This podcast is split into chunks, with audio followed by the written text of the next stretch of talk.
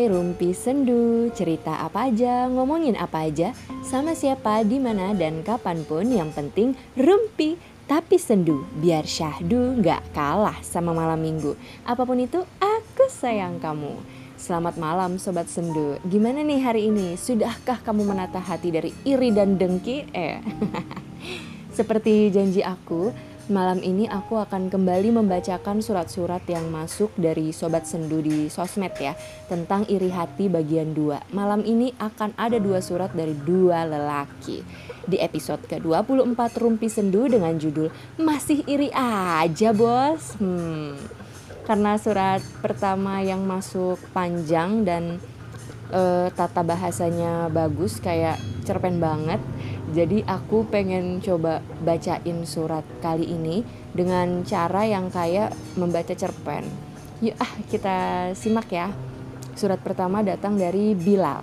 Hmm. Betul sih nggak ada manusia yang sempurna. Semua orang adalah orang baik. Bahkan ada banyak banget orang baik di dunia ini. Tapi nggak punya naluri jahat barangkali bisa kita sebut bukan manusia sejati. Ya enggak? Kita semua tahu manusia itu makhluk hebat yang dilimpahi berbagai genre perasaan. Mulai dari perasaan bahagia, sedih, benci, pura-pura bahagia, pura-pura sedih, benar-benar benci atau rasa nggak suka yang dalam banget. Bahkan lebih dalam dari lautan India yang bisa kita sebut sebagai perasaan iri. Nah, ini pas banget sama konsep yang diusung sama kakak cantik ya Ella bernama Jihan Suele di podcast Rumpi Sendunya. Ini beneran loh aku disebut cantik ya. Nggak ngada-ngada loh. Makanya kali ini aku mau curhatin soal perasaan tersebut ke sini. Ke Rumpi Sendu ini. Biar perasaanku lebih tenang, Biar rohku kalau pas lagi tidur gak gentayangan penasaran. Biar aku gak kesel lagi. Biar aku semangat terus. Biarlah ku rela melepasmu, meninggalkan aku. Tapi yang pasti biar aku lebih percaya diri meskipun aku punya teman yang perasaan irinya udah gak ketolong lagi. Jadi ini tentang temanku, bukan aku tapi tetap berhubungan sama aku dan sebagian dari perjalanan hidup aku. Ya, kita panggil aja dia M. Bukan nama yang sebenarnya. Nama aslinya Musang berbulu ketiak. M ini dahulu kala zaman kura-kura balap lari sama kelinci adalah teman baikku. Bisa dibilang teman paling baik semasa kecil. Kami selalu saling tunggu kalau berangkat sekolah. Kalau aku udah siap berangkat, Aku mesti nungguin dia di depan rumah. Kalau aku yang belum kelar urusan nyiapin diri, mesti dia yang nungguin aku. Ah, kami kompak banget selama beberapa waktu. Sampai akhirnya terjadi sesuatu yang kayaknya bikin dia sulit menerima itu sebagai kenyataan.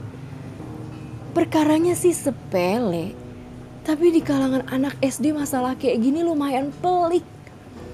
Awal permasalahan yang timbul hanya karena prestasi belajar di kelas saat penerimaan rapot. Mulai dari kelas 1 sampai kelas 3, M selalu juara kelas.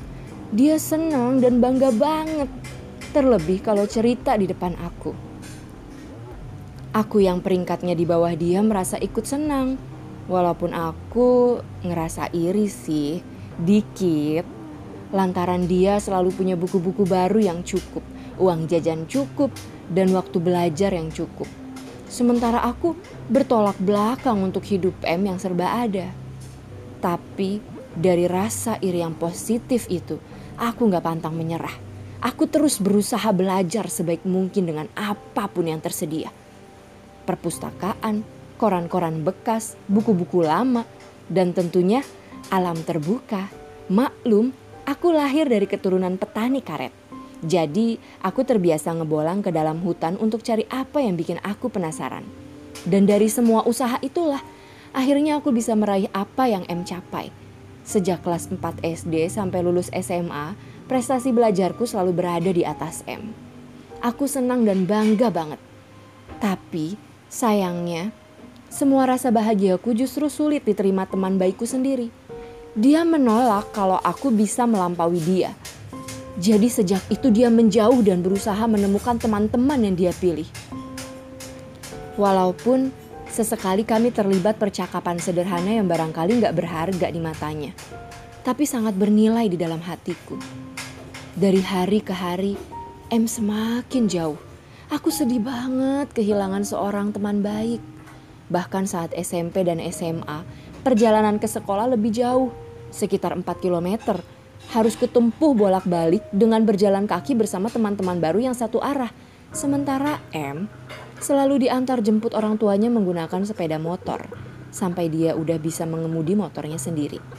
Beberapa kali saat musim hujan atau aku terlambat bangun, aku berharap M mau mengajak aku pergi bersama dengan sepeda motornya. Tapi sayangnya hal itu nggak pernah terjadi. Kayaknya M betul-betul udah gak respect. Dan aku masih gak sadar juga. Dasar aku gak pernah sadar diri. Tapi aku tetap bersikap santai. Kupikir suatu hari M pasti akan berubah. Walaupun beberapa waktu kemudian bahkan hingga saat ini M sudah punya motif hidup baru. Dia selalu berusaha menjatuhkan aku, menjelekkan nama baikku, Bahkan yang lebih jahat, dia mempermalukan aku di hadapan banyak orang. Tampaknya aku nggak punya banyak teman. Semisal begini, di forum-forum diskusi, obrolan santai atau yang formal, M selalu memotong pembicaraanku. Merasa aku nggak pernah ada di tempat itu. Menganggap bahwa aku nggak punya kemampuan untuk merencanakan bertanggung jawab, dan memenuhi kebutuhan mengingat aku dari keluarga tidak mampu yang cuma bergantung sama kebun karet, sepeta kebun sayur di depan rumah, dan cuaca. Rasanya aku seperti ditelanjangi dan ditertawakan berjamaah. Apalagi mulai bertebaran gosip-gosip gak jelas yang berhubungan denganku dan itu bermula dari M. Ini pernah sampai bikin aku drop dan hampir ingin berhenti hidup karena merasa tekanan hidup makin rumit. Tapi bersyukur ibuku selalu menasehati kalau hidup memang begitu. Untuk merasa hidup lebih baik, maka teruslah bergerak dan jangan berhenti berbuat baik. Demikian kata ibuku. Dan ini betul-betul membakar emosi dan semangatku. Kemudian, hari-hari selanjutnya aku lewati dengan perasaan lebih tenang. Lulus SMA dan bekerja apa saja sambil melatih bakat terpendamku yaitu menulis Gak masalah kerja berat, yang penting bisa mendapatkan hasil yang bisa membantu kebutuhan keluarga. Masa bodoh dengan M yang melanjutkan sekolahnya dan terus menabur kebenciannya kepadaku, bahkan hingga saat ini. Gak peduli meski ia sekarang sudah bekerja di kantor dan aku sebagai pendidik di sekolah dasar. Semua yang aku lewati udah membuat aku ngerasa lebih baik dan bahagia. Udah kebal terhadap semua penyakit hati. Walaupun Belakangan M bikin naskah baru untuk jadi bahan gosip. Buat apa nulis gak kaya-kaya juga? Atau dia bilang gini, kalau kerjaannya gitu-gitu doang, apa yang mau dibanggakan? Dia bilang gitu. Aku cuma ketawa dan makin gak nyangka. Dampak dari rasa iri yang tidak terarah telah mengubah hidup seseorang jadi penjahat perasaan. Ibarat hutan M adalah penebang liar yang tidak suka kebun orang lain kelihatan lebih subur meski gak seka gak gak ya meski gak semakmur kebunnya sendiri. Dan sekarang aku cuma sekedar berharap M bisa berubah. Gak bisa berdoa lainnya. Terserah dia mau berubah jadi apa aja. Yang penting bisa bersikap baik. Seenggaknya jangan menyakiti dirinya sendiri dengan perasaan iri yang tidak berkesudahan. Oke, Terima kasih Kak. Terima kasih. Hah? Oke, terima kasih Jiung yang mau membaca curhatan abal-abal ini. Semoga kita hidup bebas dari asap rokok dan perasaan iri yang tidak pada tempatnya ya. Sukses terus untuk Rumpi Sendu. Terima kasih. Itu dia. Gimana? Bacanya cerpen banget kan? Meski banyak uh, apa meski ada yang kelibet-libet ya. Oke, makasih Kak Bilal. Uh, kita yang makasih banget karena udah dibagikan cerita seperti ini ya.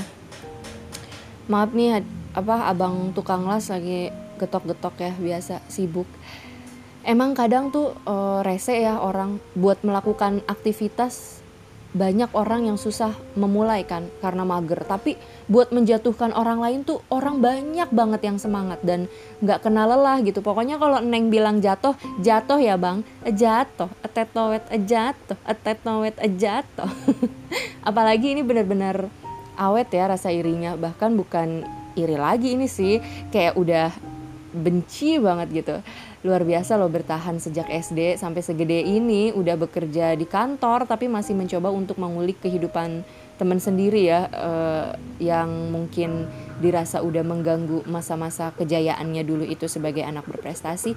Mungkin pas kecil itu dulu tuh dia merasa kehebatannya itu udah miliknya kali ya gitu. Emang emang kan rasa bangga itu bahaya ya buat kita kalau nggak diseimbangin dengan uh, sikap rendah hati.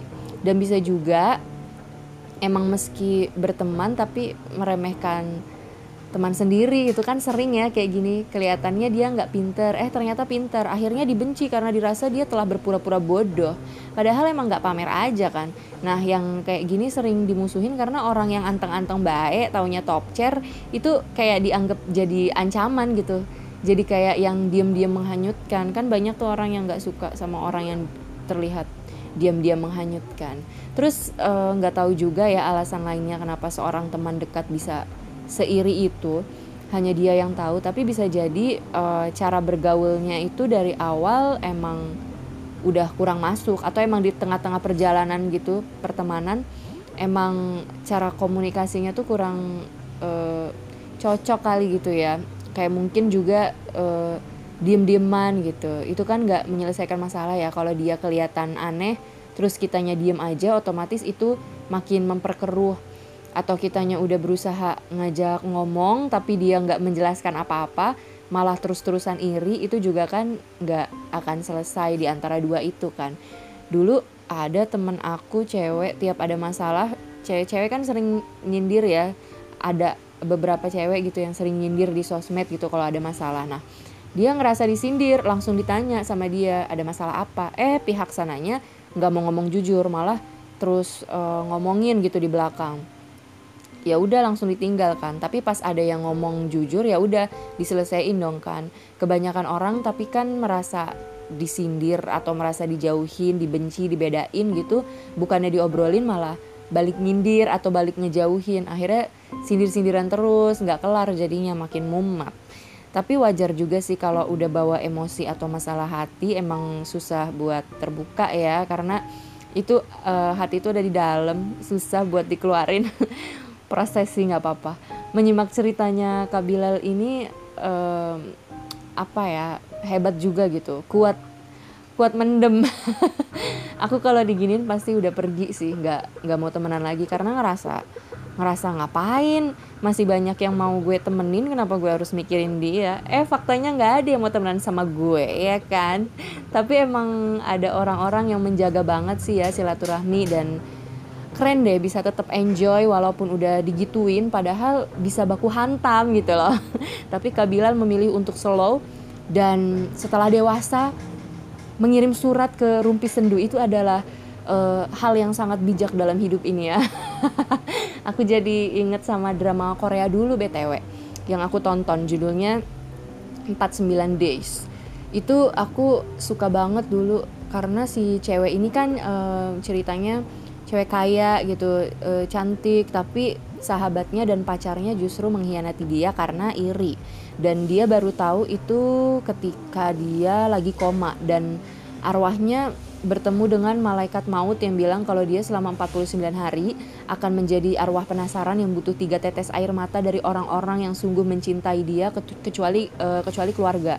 Dan selama 49 hari inilah dia akhirnya tahu bahwa orang yang selama ini sangat dekat dengannya yang dia anggap baik uh, sahabatnya pacarnya yang dia percaya tidak memberikan kemurnian dan ketulusan buat dia. Bahkan selama 49 hari itu dia menyaksikan orang-orang hanya berpura-pura bersedih dengan kondisinya. Jadi emang susah buat nemuin orang yang betul-betul tulus ya, tapi bukan berarti nggak mungkin. Bisa jadi orang yang kita anggap nggak penting justru yang paling tulus sama kita. tapi kita malah fokus sama orang lain atau terlalu fokus sama diri sendiri. Biasanya sih terlalu fokus sama diri sendiri ya, mencari kebahagiaan terus tapi lupa memberikan kebahagiaan pada orang lain. Udah ah segitu aja ya. Semoga Kabilal makin makin keren, makin sukses, makin besar juga hatinya dan si M semoga bisa lebih damai dengan dirinya sendiri. Semoga hal-hal baik mengelilingi kalian berdua dan kalian semua pendengar Rumpi Sendu. Amin.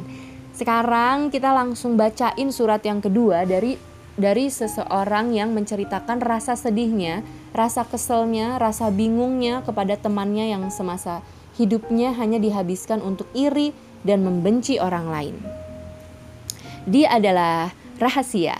Karena mas ini nggak mau disebutin ya identitasnya karena ini sensitif juga ya. Ini uh, kita jadikan pembelajaran aja. Bismillahirrohmanirrohim. Gini suratnya aku seorang teman yang sedih sama kelakuan temenku dia itu iri hati banget. Iri dengki gitulah. Tapi aku bingung karena iri hatinya ini turunan dari mamanya. Jadi gini contohnya nih. Pernah kapan tahu ada tetangganya beli baju daster gitu. Terus bilang harganya 200 e, ribuan. Ibunya temanku ini nggak percaya dong. Dia lihat labelnya warna hijau kan. Eh besokannya si ibu ngajak si temanku ini ke pasar dan tanya langsung ke pedagang baju harga baju yang labelnya hijau itu berapa? Ternyata 50 ribuan dong harganya. Dan si ibu yang ngaku-ngaku itu kena gap dikata-katain deh sama mereka. Terus si temenku ini udah hampir tiga tahun pengen mobil tapi nggak pernah kecapai sama sekali. Jadi tiap ada yang beli mobil dia kayak yang gimana gitu. Jadi si ortunya ini masih punya banyak obsesi-obsesi yang pengen mereka nikmatin karena udah nggak kerja lagi kan bapaknya itu. Usahanya sekarang dikelola sama temanku itu otomatis. Apa-apa kebutuhan yang uh, diminta orang tuanya ya minta ke temanku. Jadinya dia nggak bisa nabung-nabung dan kayak nggak ada yang bener-bener peduli gitu sama dia bahkan orang tuanya sendiri. Makanya dia cari perhatian lain dan gak suka sama orang karena sebenarnya dia gak suka sama kehidupannya sendiri. Jadi buat orang mau peduli sama dia pun karena sikapnya kayak gitu jadi gimana ya? Aku juga jatuhnya kayak asal peduli aja kali ya karena dia ngeselin gitu. Jadi lumayan buat bahan gibah sama orang lain dikala nggak ada obrolan. Dan tipe yang sebenarnya dia itu tipe yang sebenarnya bisa sih dipercaya cuma di beberapa sisi ya meragukan. Terus juga dia kayak gitu berusaha terlihat sempurna dan bahagia di depan orang-orang. Padahal mah dalamnya dia kosong dan bisa dibilang ancur. Kayak soal BPJS-nya dia nih. Jadi kan keluarganya tuh belum punya BPJS dan awal bulan Agustus kalau nggak salah ibunya pengen daftar dan akhirnya mereka ke kantor dong. Terus ibunya tuh ke sana berpenampilan kayak bukan keluarga yang butuh-butuh banget sama BPJS ya kan? Dan dan menor baju paling bagus dan emas di mana-mana. Jangan lupa bros yang dipakai yang seharga 180 ribu. Lalu sama adminnya dong dipanas-panasin buat milih kelas 1 pas ditanya mau kelas berapa. Dan tahu dong yang terjadi. Akhirnya ibunya milih kelas 1 beneran. Dengan fasilitas yang wah satu kamar tinggal sendiri dilayani lebih awal dan berbagai macam kelebihan lainnya dan jeng jeng karena anggotanya empat orang dan per orang 150 berapa gitu per bulannya jadi 600-an ribu. Dan itu jadi tanggungannya si temenku ini dong. Lalu sebulan kemudian dia pengen turun kelas tanpa bilang-bilang sama ibunya. Tapi aku nggak tahu lagi selanjutnya. Semoga aja kalau jadi dia turun kelas pas ibu atau bapaknya sakit eh dimasukin ke ruangan kelas 3 yang sekamar 6 orang, ibunya nggak akan marah. Tapi kayaknya dia belum turun kelas. Masih mikir-mikir kayaknya dia. Soalnya kalau dia bikin salah tuh ibunya suka ngomong sembarangan. Kayak bilang, dasar anak durhaka, anak gak tahu diri, anak gak ada gunanya. Dan kata-kata yang kayak bikin mikir, dia beneran ibunya nggak sih? Kok gitu amat? Dan kalau aku, eh salah, dan kalau ada susah tuh nggak boleh dia nyerita sama ibunya. Kalau mau nyerita, ya yang bagus-bagus aja. Kayak lagi banyak kerjaan uang banyak udah transfer kayak gitu-gitu. Kalau susah mah ya jangan dikasih ke kampung soal kesusahannya itu. Udah selesaiin aja sono sendiri. Nah tapi kalau ortunya itu kayak yang tiba-tiba baik temenku ini juga nggak suka. Misal kemarin kan tahu kalau kerjaan lagi jarang karena pandemi. Ibunya bilang ya udah buat bulan ini nggak usah mikir setoran ke bank aja biar mamah yang bayarin. Nah ortunya baik tuh kan, tapi temanku ini malah nggak suka digituin. Jadi kayak yang apa sih maunya baik salah, apalagi jahat salah juga di mata loh. Dan dia bilang baiknya tuh jangan ngedadak gitu loh. Jadi pelan-pelan aja. Kalau ngedadak jadi suka ngerasa bersalah. Dan kami komen dong pas dia cerita kayak gitu.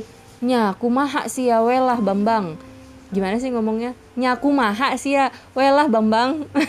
Nyaku maha sih ya welah Bambang. Kayak gitulah. sebagai Bambang saya jadi merasa aku maha iya terus uh, dia tuh ya irinya sama orang tuh kayak udah mendarah daging gitu loh jadi kalau nggak iri dia pusing sendiri say aku pengen cerita nih btw jadi dulu pada zaman sebelum masehi dia masih aman-aman aja jadi manusia masih beradab dan tahu sedikit tata krama tapi karena satu hal yang sangat membuat dia benar-benar berat dan mungkin dia sampai di titik kayak yang bilang ini hidup gue dan gue yang berhak atas apa yang gue mau apa pun itu. Dan yang pasti kedua orang tuanya udah nggak bisa lagi untuk melarang atau menasehati dia. Dan akhirnya sekarang dia yang seperti terlihat saat ini. Terus pergaulannya dia sih sebenarnya biasa-biasa aja. Seperti kebanyakan pemuda kampung nongkrong gak jelas mabok-mabokan dan karena sekarang tinggal di kota dengan segala kemudahan dalam menyalurkan hawa nafsunya, ya kayak gitu deh, bukan hal yang aneh lagi.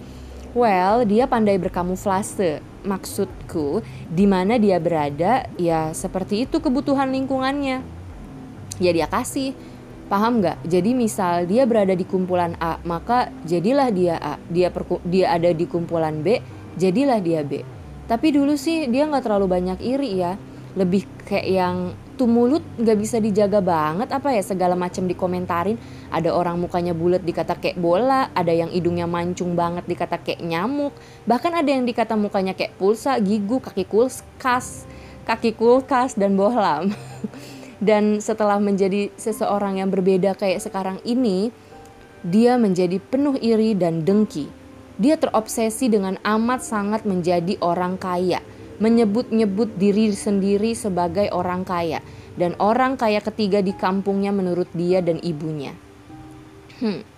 Dia sangat iri dengan orang yang punya mobil sebab dia sangat menginginkan mobil dalam hidupnya. Kekayaan seseorang dilihat dari dia punya mobil atau enggak katanya. Dan karena dia nggak pernah sampai ke posisi di mana dia punya mobil, akhirnya dia selalu mengagung-agungkan kekayaannya di kampung kayak sawah yang berapa bata, kebun dengan pepohonan yang berapa meter persegi, dan jangan lupa kolam ikannya yang berjumlah tujuh dan diisi ikan-ikan yang satu jenis setiap kolamnya. Salah satu teman kami perempuan bos seblak, dia punya rumah mewah minimalis walaupun di pucuk gunung, keluarga harmonis, dan mobil. Nah, si temenku ini yang iri hati ini pernah cerita kalau dia pernah bertemu dengan si bos seblak ini di sebuah warung bakso. Dan pas mereka kayak saling lihat, si cewek ini langsung berbicara dengan seseorang menggunakan HP-nya. Dan apa yang terjadi? HP-nya berdering dong. Dia ternyata sedang pura-pura nelpon dan HP-nya malah berdering. Lalu temenku ini yang kayak kikuk pengen ketawa dan merasa jengkel karena merasa ditipu. Lalu imbasnya tiap kita mancing dia dengan topik si cewek ini atau si cewek posting tentang kekayaannya, dia bakal bilang, "Ya Allah, padahal kan dia itu orangnya kurang waras. Dia pernah bohongin aku dengan pura-pura nelpon. Eh, HP-nya malah berdering. Tapi kenapa dia bisa punya mobil? Apa aku harus kurang waras juga biar bisa punya mobil?" Lalu dia bilang lagi, "Tahu nggak si Ono? Emang dia ini udah punya garasi mobil?" Rumah dia kan di tanah gawir gitu, sisi jalan, mana ada tempat buat naruh mobil. Dan dia beli mobil, sumpah dia nggak mikir ke sana dasar bodoh. Terus ngoceh lagi ke mana-mana kayak bilang, kayak itu tuh si Nganu, udah ganti lagi mobilnya. Dan dia bilang kalau dia belinya cash nggak riba. Ya aku tahu sih kalau usaha dia itu jualan barang haram. Makanya banyak duitnya cepet. Masa orang kampung gak ada yang dibolehin tahu atau beli gitu produk usaha dia ya kan? Aneh kan? Kalau gitu artinya apa? Haram kan? Terus sekarang sekarang Terus sekarang-sekarang ini sih dia lagi sirik sama yang menurut dia mukanya pas-pasan bahkan jelek tapi udah nikah. Dan dia pengen nikah Terus dia suka nyinyir kayak bilang, iyalah Allah kan maha adil. Makanya orang-orang yang mukanya jelek pas-pasan kayak gitu cepet dikasih jodohnya. Beda sama gue yang ganteng ini. Padahal aslinya tuh dia juga nyadar diri kalau dia tuh jelek. Dan dia minder dia suka mikir bakalan ada nggak sih yang mau sama gue? Tapi di luarnya mah ya kayak yang nutupin itu semua dengan omongan-omongan jahatnya itu. Jujur, aku kasihan sama dia sebenarnya. Aku kayak menyayangkan aja padahal dia dulu orangnya aktif baik dan kayak bakal jadi orang yang wah gitu loh. Tapi ya nasib orang siapa yang tahu kan karena satu kesalahan dan salah ngambil sikap jadinya berefek kayak sekarang. Walaupun kadang mikir mungkin aku juga bisa kayak gitu kali ya kalau ortu aku nggak kayak ortu aku sekarang kasihan juga sih jujur tapi aku tuh kayak udah yang gimana ya saking aku udah coba banyak banget buat dia jadi yang duh terserah lah ya omongan gue nggak ada yang nyampe ke hati lo. Percuma gue cuma nggak mau lo lebih terjerumus lagi. Oke gue juga bukan orang baik tapi seenggaknya lu mikir yang baik buat hidup lo sendiri. Dan setelah ini gue nggak lagi bah eh dan setelah ini gue nggak lagi bakalan ngasih nasehat apa-apa lagi buat lo. Lo tahu mana yang terbaik buat diri lo sendiri. Gitu dan dia juga suka yang gue butuh temen curhat gue butuh masukan. Tapi kalau kita komentarin dan kasih masukan ke dia malah dia yang mematahkan omongan kita yang bener-bener tulus ngasih masukan. Jadi ya I don't care about him dan segala macam tentang dia. Sekian. Bye. Aduh, ngilu ya nyimak ceritanya nih sampai serak-serak. Bingung juga ya. Kadang keputusasaan dalam hidup kita bisa membuat kita menyalurkan rasa sedih dengan cara yang menyebalkan ke orang lain. Jadi orang bukannya simpati malah jadi risih, say. Terus uh, ini panjang sih ya prosesnya tuh ya dia iri karena hidupnya, lingkungan keluarganya dan bisa jadi emang selama ini dia ketika kecil nggak punya sosok yang dia jadikan teladan terus nggak ada sahabat untuk bercerita dan masalah lainnya yang kita juga nggak tahu kan uh, emang kalau belum siap jadi orang tua lebih baik belajar dulu ya kalau belum selesai sama diri sendiri lebih baik selesaikan dulu. Jangan sampai menghancurkan anak sendiri demi ego kita yang belum tercapai itu kan. Aduh nggak tahu deh. Suka campur aduk gitu kalau udah ngomongin hal-hal yang kayak gini. Cuma apa ya uh, aku punya keyakinan sih kalau aku udah nggak bisa dapat kebahagiaan dan kebahagi uh, kedamaian di dalam rumah aku pasti dapat uh, kedamaian itu di luar rumah gitu. Dari orang-orang yang mungkin nggak aku kenal tapi mereka baik. Terus kalau di rumah dan di luar rumah aku tetap nggak dapat kedamaian berarti aku harus mencari itu di dalam diri aku sendiri. Karena segala hal yang terjadi itu akan kembali ke kita dan segalanya juga terjadi atas persetujuan kita tanpa kita sadari maupun kita tanpa kita sadari maupun kita sadari gitu kan. Gimana caranya kita bikin diri kita tenang dan damai dalam keadaan apa pun tetap kita terima positif negatif tapi kita nggak keluar batas gitu. Jadi kayak ya paham diri kita sendiri sadar penuh dengan apa pun yang terjadi. Contoh nih misal soal iri hati kan ada orang yang ngelihat orang sukses jadi panas gitu jadi kesel. Tapi ada juga orang yang biasa aja kan mau orang sehebat apa pun ya dia nggak pusing karena dia punya kesadaran atas dirinya sendiri gitu kita berusaha berkembang sendiri, kita mencari lingkungan sendiri ketika sudah besar. Nah, masalahnya kenapa ketika ketika besar uh, kita masih seperti itu? Berarti kan diri kita membiarkan hal itu terjadi kita nggak berusaha untuk belajar, kita nyaman dengan keadaan kita itu. Lagi pula hal yang terjadi di dalam keluarga biasanya orang tua e, membagikan barang yang sama dengan keempat anaknya, misal pikiran orang tua itu adil kan, tapi ternyata di pikiran anak-anak loh, kan aku kakaknya kok sama kayak adik-adik gitu. Terus loh masa aku adik tapi barangnya sama kayak kakak, besoknya dikasih barang yang beda-beda, dijawab lagi, loh kok bagusan dia, kok gedean dia, kok punya aku lebih murah? Gitu kan. Jadi perihal iri hati ini emang udah jadi penyakit bawaan ya di setiap orang dengan usia berapapun dan dengan kehebatan apa pun, iri hati pasti tetap akan ada miskin pengen kaya, kaya pengen lebih kaya lagi, gemuk pengen kurus, pas kurus pengen lebih seksi lagi. Kuncinya kita mau mengobati hati kita apa enggak? kita uh, mau fokus pada hal-hal yang baik atau ikutin hati yang sakit dengan terus-terusan ngurusin orang lain dan membandingkan diri dengan orang lain. Kita nggak mau dibandingin sama orang tua kita, tapi tanpa sadar justru kita sendiri yang paling sering membandingkan diri sama orang lain. Apakah terlalu sering melihat keluar sampai lupa melihat ke dalam diri sendiri atau terlalu banyak angan-angan jadi gampang gondok ketika melihat orang lain terkesan hebat. Cuma diri kita yang tahu alasannya. Tapi kalau untuk kasus yang kali ini ya kita kan orang awam ya. Uh, orang yang juga nggak tahu kehidupan dia seperti apa gitu. Jadi nggak bisa berkomentar lebih kan. Bisa jadi menurut aku ya kita bisa berubah kalau kita mau. Tapi pada faktanya ternyata segimanapun dia keluar dari kebiasaan orang tuanya itu dia tetap akan selalu bersama orang tuanya tetap akan tertanam dalam dirinya dengan bawaan iri hati itu. Apalagi dia melihat orang tua yang iri hati pasti kan dari kecil gitu kan. Karena aku juga ada kenal ya sama beberapa orang yang uh, karena turunan dari keluarganya tuh iri hati suka menghasut pendendam jadi sampai tua sampai nenek kakek mereka masih menjadi orang yang sama gitu nggak ada perubahan.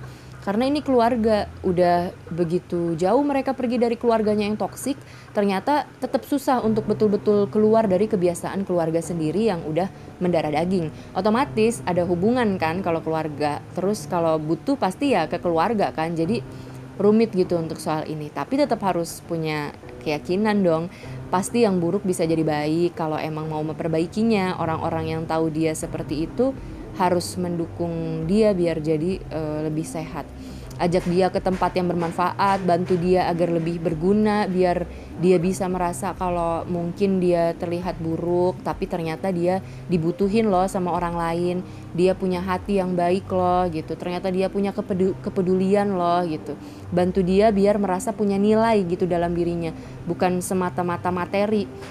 Biasanya kan orang kalau udah uh, dikasih tauin gitu di beritahu bahwa kamu punya nilai loh sebagai manusia gitu uh, otomatis perlahan-lahan dia akan berpikir bahwa dia ini ya berharga dia uh, dia ini bisa menjadi apa yang dia inginkan uh, terlepas dari materi itu gitu kan atau bisa juga ajak dia ke psikolog atau ajak dia siraman rohani ya kan?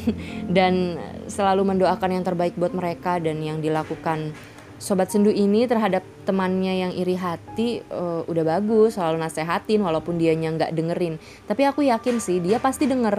Cuma belum sadar. Ketika dia sadar apa-apa yang udah dinasehatin ke dia itu pasti akan terputar di otaknya. Ya kita cuma bisa bantu doa kan dan uh, makasih udah berbagi di sini sama kita masnya. Semoga uh, dengan ada yang mendengarkan podcast ini banyak yang tergugah untuk mendoakan juga supaya teman masnya ini bisa jadi lebih sehat dan tidak menyakiti diri sendiri lagi dengan membenci orang lain. Amin. Uh, terus lanjut ya balik lagi soal iri hati. Ada sebagian orang yang agak menyebalkan juga gitu.